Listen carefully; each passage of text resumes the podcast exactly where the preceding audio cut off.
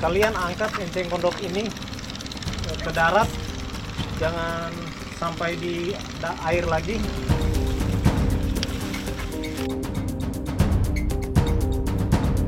Masalah pertanian itu harus dikendalikan. Nah harapan saya misalnya masyarakat di sini harus diedukasi uh, back to nature uh, mengurangi uh, penggunaan anorganik pupuk kimia. Dia harus menggunakan masalah-masalah secara organik.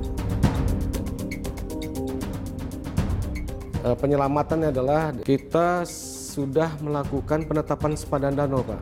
Sempadan itu adalah memberi garis batas. Pada saat kita menetapkan sempadan danau ini banyak gejolak, Pak. Masyarakat itu bergejolak, mereka mereka merasa ini lahan kami kok dihabiskan gitu.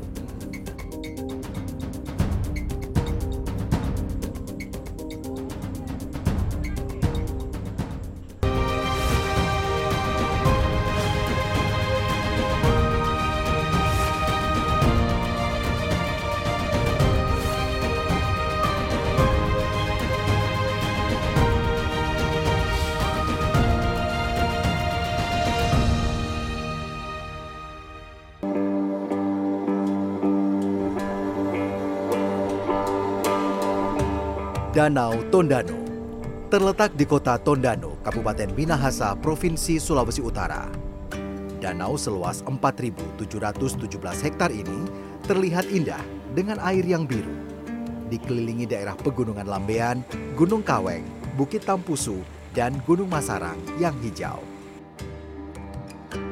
Salah satu aktivis komunitas peduli Danau Tondano, Ferry Mailangkai, mengatakan Berdasarkan literatur, Danau Tondano terbentuk secara vulkanik akibat letusan gunung api. Danau yang berada di ketinggian 682 meter di atas permukaan air laut ini juga memiliki fungsi yang sangat strategis bagi Provinsi Sulawesi Utara. Bahwasanya Danau Tondano itu memiliki tujuh nadi ekonomi, penggerak ekonomi di Sulawesi Utara ya, bukan cuma sekedar uh, Danau Tonano di daerah Kabupaten Minahasa, tapi dia penggerak tujuh nadi ekonomi uh, masyarakat Sulawesi Utara. Salah satu yang bisa saya sampaikan di sini bahwa fungsi danau ini antara lain uh, daerah pariwisata dan kemudian itu daerah untuk mensuplai uh, kebutuhan air, air minum, dan kemudian untuk pertanian, untuk nelayan, dan untuk energi karena di sini ada pembangkit listrik yang menggunakan uh, air danau. Dan antara lain juga untuk uh, reservoir uh, bumi. Karena di sini ada beberapa kita berdiri di daerah ring of fire. Ini merupakan uh, model radiator ya. Nah, jadi bahayanya kalau memang dia kering bisa bayangkan. Itu Nah, tentu kulit bumi ini kan jadi panas. Nah, bersyukurlah kita punya Danau Tondano. Memiliki keliling 38 km dengan kedalaman mencapai 13,5 meter, bentang Danau Tondano meliputi lima kecamatan, yaitu Kecamatan Tondano Timur, Kecamatan Eris, Kecamatan Kakas, Kecamatan Rembukan, dan Kecamatan Tondano Selatan. Sebagian besar masyarakat yang tinggal di tepi Danau Tondano sehari-hari bekerja sebagai nelayan pencari ikan. Ari Wowor, salah satu nelayan di Desa Sendangan, Kecamatan Remboken, mencari ikan dengan perahu dan jaring. Pada pagi hari, Ari pergi ke danau dan mengangkat jaring untuk mengambil ikan yang terperangkap. Biasanya, Ari mendapat 10 ekor ikan mujair. Mereka menangkap ikan dengan uh, cara jaring seperti ini nih. Nah ini, nah ini kurang lebih ikannya seperti ini nih. Ini kan nama apa namanya pak? Ini, oh ini mujair ya. Sebagian besar di tempat ini ikannya ikan mujair. Nah ini, ikan mujair seperti ini. Ini yang ukuran sedang biasanya ada yang ukurannya besar ya pak ya. Udah besar. Sehari biasanya bisa dapat berapa pak? Sehari bisa dapat berapa? Ini ya rata-rata. Eh, harga duit. Berapa banyak? Oh ya ada kalanya berapa 10. 10 kilo? Enggak, 10 ekor. Oh 10 ekor. iya. Bisa dapat duit berapa kalau 10 ekor itu? Ya mulai lah nggak sampai 100 lah. Nggak sampai 100. Nah, ini para nelayan danau ini mereka dapat ikan-ikan seperti ini dikumpulkan per hari dapat 10 ekor lah ya. Kenapa? Nggak menentu. Ada kalanya 100 lebih, ada kalanya nggak sampai 100. Oh gitu. Rata-rata ya kurang lebih dapat 100 ribu lah dari nangkep ikan ini. Wah kalau ini ikan apa nih pak? Oh itu Pak yang kakodo orang bilang. Hah? Pak yang kakodo itu. Ini ada ikan yang seperti ini juga.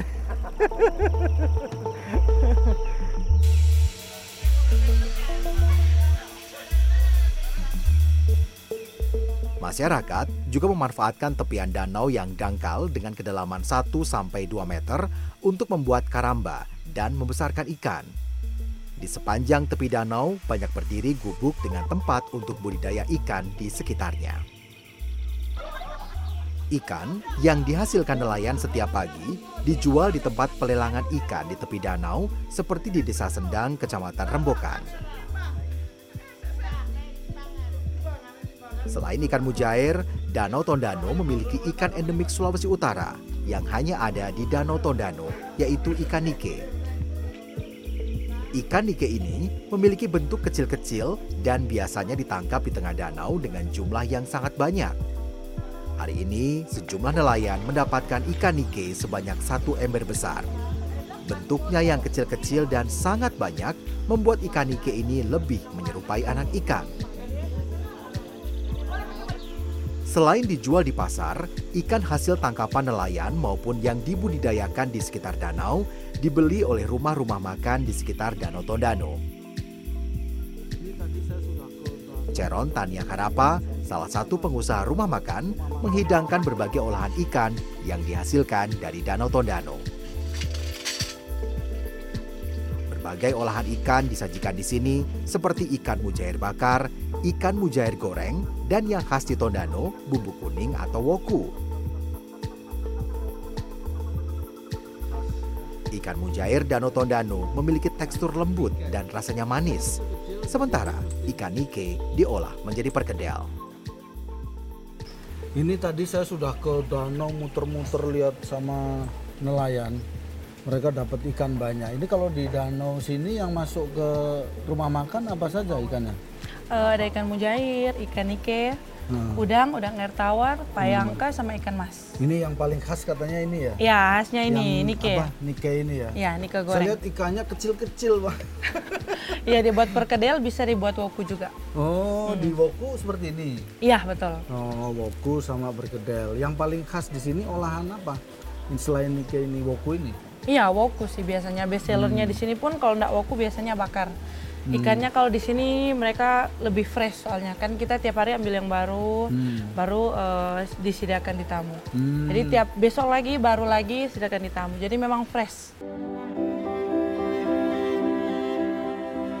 Kita bersyukur Danau Tondano ini masuk dari satu dari 15 danau prioritas nasional Hmm. untuk diselamatkan. Ferry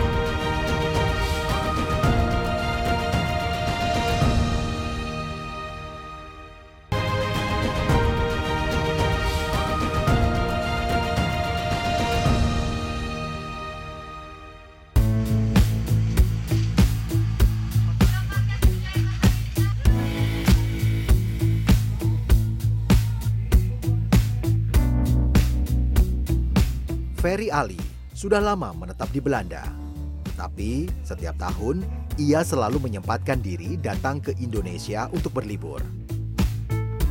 Salah satu tempat yang ditujunya adalah kawasan Danau Tondano dan kawasan Taman Nasional Bunaken di Sulawesi Utara. Saya dari Jakarta. Saya lahir di Jakarta Terus ya. tinggal di Eh, saya di eh, apa namanya saya sekolah di Delft di Belanda. Ketemu dia. Kami di sana. Hmm. Ya sekarang tiap hampir tiap tahun pulang. Tondano ya ininya ya apa danaunya. Terus kita tadi lihat eh, ya santai-santai relax Hmm. di pegunungan kan ada pegunungan di situ. Tadi kita di mana tuh yang ada kincir. Keindahan Danau Tondano menjadikannya salah satu destinasi wisata utama bagi turis lokal dan mancanegara. Kepala Dinas Kebudayaan dan Pariwisata setempat, Dolvi J. Kuron, mengatakan Kabupaten Minahasa memiliki 163 destinasi wisata yang terdiri atas wisata alam, wisata budaya, dan wisata buatan yang tersebar di 25 kecamatan.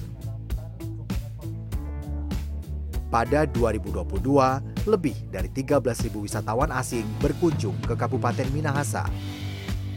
Mereka berasal dari 19 negara dan yang paling banyak berkunjung ke kawasan Danau Tondano adalah wisatawan dari Tiongkok. Sementara jumlah wisatawan lokal tercatat mencapai 366 ribu orang. Nah, di seputaran Danau Tondano ini ada beberapa destinasi wisata yang uh, menarik dan uh, sangat uh, luar biasa uh, uh, uh, keadaan dan kondisinya. Nah, ada Benteng Moraya, ada Likri, ada uh, beberapa di Kakas, ada Paralayang, ada juga uh, uh, apa Ataya di sana dan di, di ada beberapa lokasi yang yang cukup menarik di seputaran Danau Tondano. Danau Tondano memberikan manfaat yang begitu besar baik untuk keberlangsungan keseimbangan alam dan lingkungan maupun kehidupan masyarakat. Tetapi ternyata kelestariannya menghadapi ancaman. Menurut pemerhati Danau Tondano, Ferry Mailangkai, pada 1834 kedalaman Danau Tondano mencapai 40 meter. Tetapi pada 1990 kedalamannya berkurang hingga 30 meter dan seiring berjalannya waktu, saat ini kedalaman danau tinggal 12 meter. Sementara itu, luas Danau Tondano yang awalnya 7.000 hektar turun menjadi sekitar 4.700 hektar. Ya, ada tiga permasalahan pokok yang sebenarnya kita bisa lihat di sini. Yang keadaan danau ini antara lain itu uh, pertama uh, bloomingnya tumbuhan air yang namanya eceng gondok dan kemudian adanya peningkatan eutrofikasi terhadap danau itu sendiri, pengayaan unsur hara dan antara lain juga satu hal bahwa di sini uh, tingkat tropi tumbuhan uh, air yang ada. Dan itu secara khusus bisa mengancam karena memang kenapa dia jadi masalah nah, harus diketahui bahwa Danau Tondano ini dikelilingi oleh tujuh kecamatan, 33 desa kelurahan dengan tingkat aktivitas masyarakat sebagai apa, wilayah agraris dan semua ini memberikan kontribusi kuat terhadap uh, apa namanya aktivitas masyarakat di sisi lain. Misalnya pengikisan permukaan tanah di mana lumpurnya itu akan masuk ke danau. Kita lihat sendiri di daerah pantai timur ini kan ada pegunungan Lembean, pantai barat ini juga ada begitu pegunungan. Ya, sudah mulai berkurang vegetasinya karena pemukiman yang ada. Sementara sempadan danau ini juga sudah sejak saya tahu sudah ada pemukiman masyarakat. Nah, hal ini ya memang uh, dilema sangat dilematis. Bagi para nelayan danau, keberadaan eceng gondok yang jumlahnya terus meluas menutupi permukaan air sangat mengganggu aktivitas nelayan yang sehari-hari mencari ikan di kawasan danau. Ari Wawor mengaku pernah kehilangan jaring akibat terbawa eceng gondok yang bergeser terbawa angin. Ya memang terganggu. Terganggu dia. Gimana ganggunya? Ya, DP terganggu kadang-kadang itu ada tanang tuh puket ya. Dia datang ke mata tutup katu. Ada kalanya dua tiga hari baru mau keluar dia terpaksa dia mulai pilih ya. Dia tertahan. Selain masalah gulma yang menutup permukaan, terdapat 38 anak sungai yang mengalirkan air dan sedimentasi ke dalam danau. Sembilan di antaranya tergolong sungai besar. Sementara itu, Danau Tondano hanya memiliki satu sungai yang mengeluarkan air dari danau, yaitu Sungai Tondano yang mengalirkan air hingga ke arah kota Manado. Kepala Dinas Lingkungan Hidup Kabupaten Minahasa, Vicky Kaloh, menyampaikan Danau Tondano terancam pendangkalan dan penyempitan. Kondisi ini membuat pemerintah pusat menetapkan Danau Tondano sebagai salah satu dari 15 danau di tanah air yang mendapat prioritas untuk diselamatkan. Berarti memang ada ancaman pendangkalan. Hmm, hmm, hmm, hmm. Nah, ya karena memang kan inletnya 35. Iya, iya, iya, iya. Inletnya 35 otomatis ya banyak lah sedimen masuk ke sini. Nah, oleh sebab itu ada upaya-upaya penanganan Hmm, pemerintah. hmm. Kita bersyukur Danau Tondano ini masuk dari satu dari 15 danau prioritas nasional Hmm. untuk diselamatkan. Oh, ada gitu. Perpres nomor 60 itu Oh, tahun jadi 2021. menjadi prioritas Iya, nasional untuk prioritas. diselamatkan. Nah, saya ingin lebih detail. Iya. Ancamannya itu apa saja, Pak? Ya. Ancaman terkait dengan keberadaan Danau Iya. Tondano sehingga menjadi prioritas nasional itu. Ya, pertama eh, sedimen. Hmm. Dari 35 Dangkal. Nah, ini tadi saya belum jelaskan. Hmm. Tahun 39 sempat dihitung ini kedalaman ini 43 meter. Hmm. Kedalaman danau ini. Iya, iya. Tahun 2015 Hmm. itu kedalamannya tinggal 15 meter.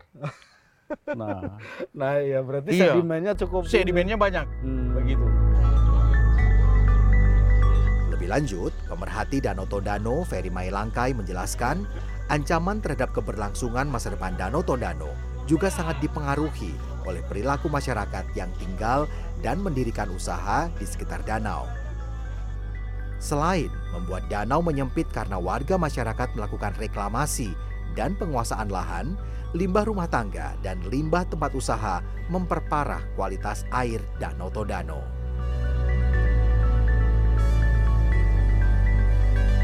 Ancaman-ancaman seperti ini, kalau mau dilihat dari aspek lingkungan, sempadan danau itu secara ketentuan 50 meter itu harus bebas, zona bebas. Tapi ya setahu saya, masyarakatnya ada sudah memang di bibir danau ada. Sudah ada di bibir danau. Kan melakukan reklamasi ya. Bahkan ada pihak-pihak tertentu melakukan uh, upaya reklamasi dalam hal ini. Itu restoran apa namanya dibangun di atas danau seperti itu. Nah, macam-macam limbah organik dan aroma organik itu semua tertumpah ruah ke danau. Seperti itu. Nah, ancaman itu sangat luar biasa.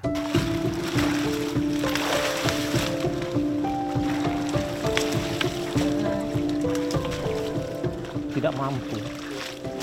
Walaupun seluruh di pinggiran danau ini mengangkat setiap hari, perkembangannya lebih cepat daripada diangkat.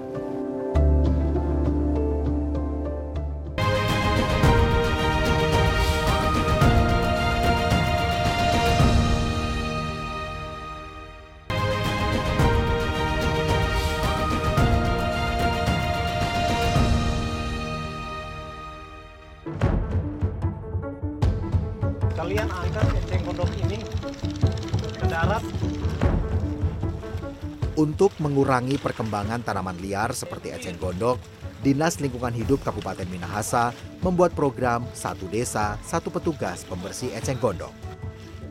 John Limongkau salah satunya. Bersama sejumlah warga lain, ia ditunjuk untuk bertanggung jawab membersihkan eceng gondok. Caranya dengan mengangkat eceng gondok ke permukaan atau ke tepi danau. Ya tugas saya, eh, saya dari Dinas Lingkungan Hidup eh, mengangkat enceng gondok setiap hari kecuali hari libur dan eh, hari Minggu. Saya digaji per bulan satu juta setengah. Tugasnya ngangkat eceng gondok setiap hari tiga jam. Walaupun seluruh di pinggiran danau ini mengangkat setiap hari, perkembangannya lebih cepat daripada diangkat. Petugas kebersihan yang bekerja selama tiga jam setiap hari ternyata tidak cukup untuk mengurangi jumlah eceng gondok yang ada di atas perairan danau.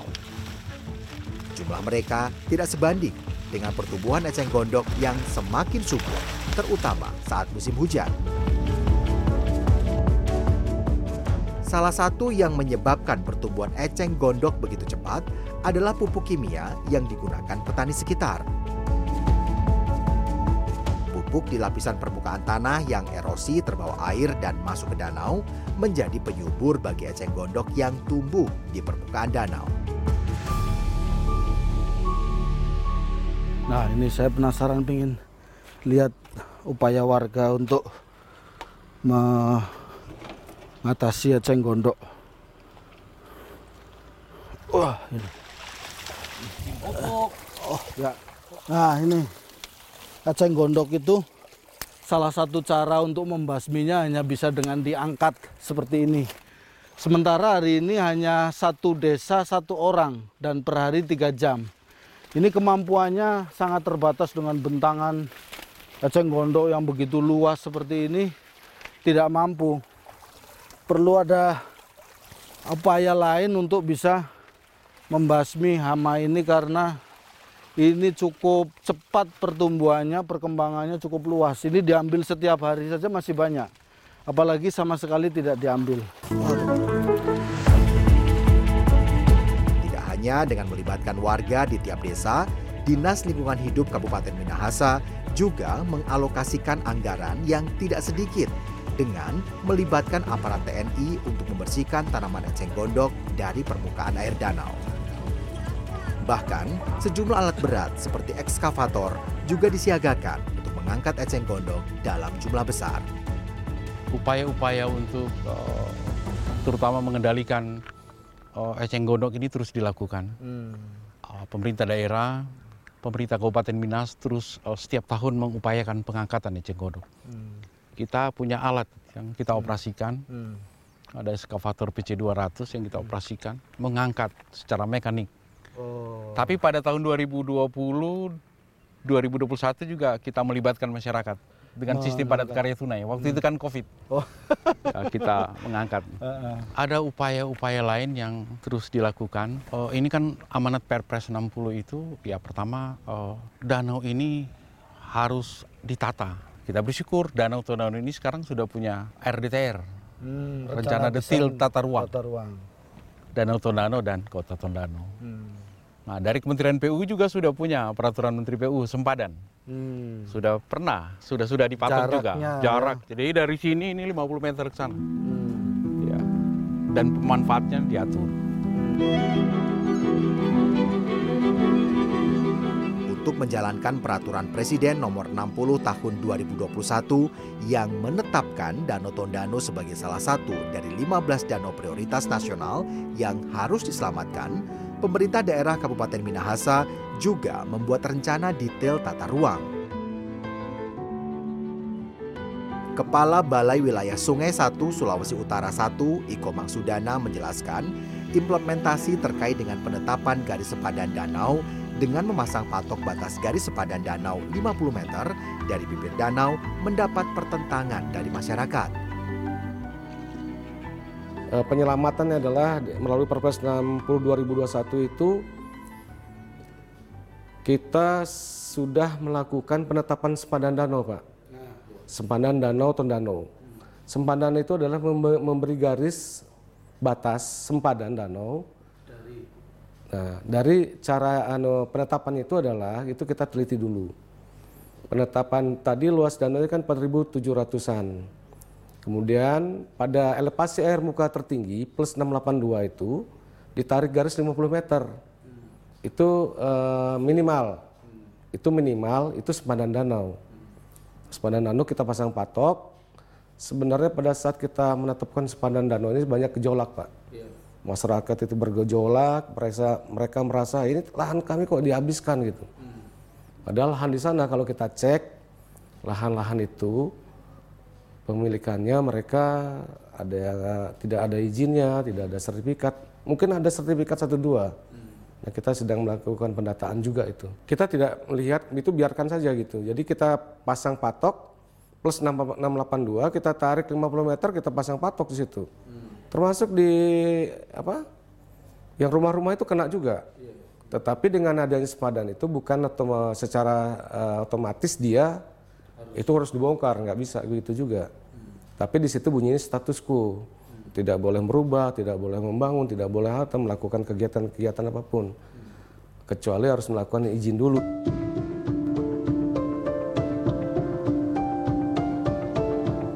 tahap selanjutnya Balai Wilayah Sungai 1 Sulawesi Utara akan membangun tanggul secara bertahap sepanjang keliling danau sekitar 24 km pada lingkar dalam. Tujuannya untuk meningkatkan kapasitas danau. Saat ini, kapasitas danau mencapai 619 juta meter kubik air. Dengan adanya tanggul yang sedang dalam proses pembangunan ini, diharapkan elevasi air akan naik 1 meter dan akan meningkatkan kapasitas air danau sebanyak 47 juta meter kubik. Upaya penyelamatan Danau Tondano terus dilakukan. Akan tetapi, upaya pemerintah saja tidak cukup. Perlu edukasi terhadap masyarakat yang tinggal di sekitar danau untuk ikut merasa memiliki, sehingga timbul kesadaran untuk bersama-sama menjaga Danau Tondano. Saya juga tidak menafikan bahwa pemerintah daerah di sini sudah mengupayakan, bahkan memang eh, setiap pemilihan eh, apa, kepala daerah ya, bupati itu selalu memasukkan di RPJMD-nya perencanaan-perencanaan tentang penanggulangan eh, masalah-masalah yang tadi ancaman khususnya eceng gondok dan lain-lain dan masalah pertanian itu harus dikendalikan. Nah, harapan saya misalnya masyarakat di sini harus diedukasi eh, back to nature eh, mengurangi masalah-masalah penggunaan anorganik pupuk-pupuk kimia ya harus menggunakan masalah-masalah secara organik gitu. Dengan sendirinya danau ini akan terpelihara. Di samping itu masyarakat sudah tahu persis bahwa ini aset kita, jadi harus kerjasama masyarakat dan pemerintah itu hal, hal saling bahu membahu bahu seperti itu.